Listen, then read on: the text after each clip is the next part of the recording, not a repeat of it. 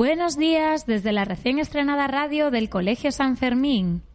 Tengo junto a mí a varios colaboradores de quinto de primaria que vienen a hacer un homenaje a algunas mujeres que han dejado huella a lo largo de la historia. Buenos días, Nigelin. Buenos días. Buenos días, Naray. Buenos días. ¿De quién nos vais a hablar hoy? De Alicia Alonso. Genial, estamos ansiosos por escucharos. Adelante. Alicia Alonso, bailarina. Había una vez una niña que nació el 21 de diciembre de 1921, Cuba, que se convirtió en una gran bailarina. Su nombre era Alicia. En su infancia, Alicia sí podía ver y ya era una bailarina excepcional, con una gran carrera por delante, hasta que enfermó. Su vista iba empeorando con el tiempo. Se vio obligada a pasar meses en cama, sin poder moverse, pero necesitaba bailar, así que lo hacía de la única forma posible.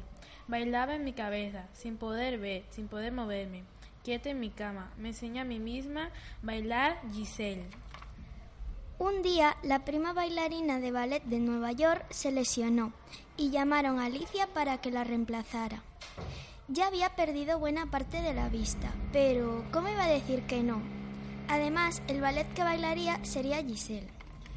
Tan pronto empezó a bailar, el público se enamoró de ella. Lo hacía con mucha gracia y confianza. A sus compañeros les fue enseñando a esperarle en el lugar preciso, en el momento indicado. Su estilo era tan único que le pidieron que actuara con su compañía por todo el mundo. Pero su sueño era bailar el ballet llevar el ballet a Cuba, su país natal. Cuando volvió de sus viajes, comenzó a enseñar ballet a Alicia Alonso la cual más tarde se convirtió en el Ballet Nacional de Cuba. Como ella bien decía, una buena bailarina debe aprender de todas las artes. Muy interesante, chicas. Muchas gracias por vuestra colaboración. Esperemos que a los oyentes les haya gustado. Hasta la próxima y un saludo desde la Radio San Fermín.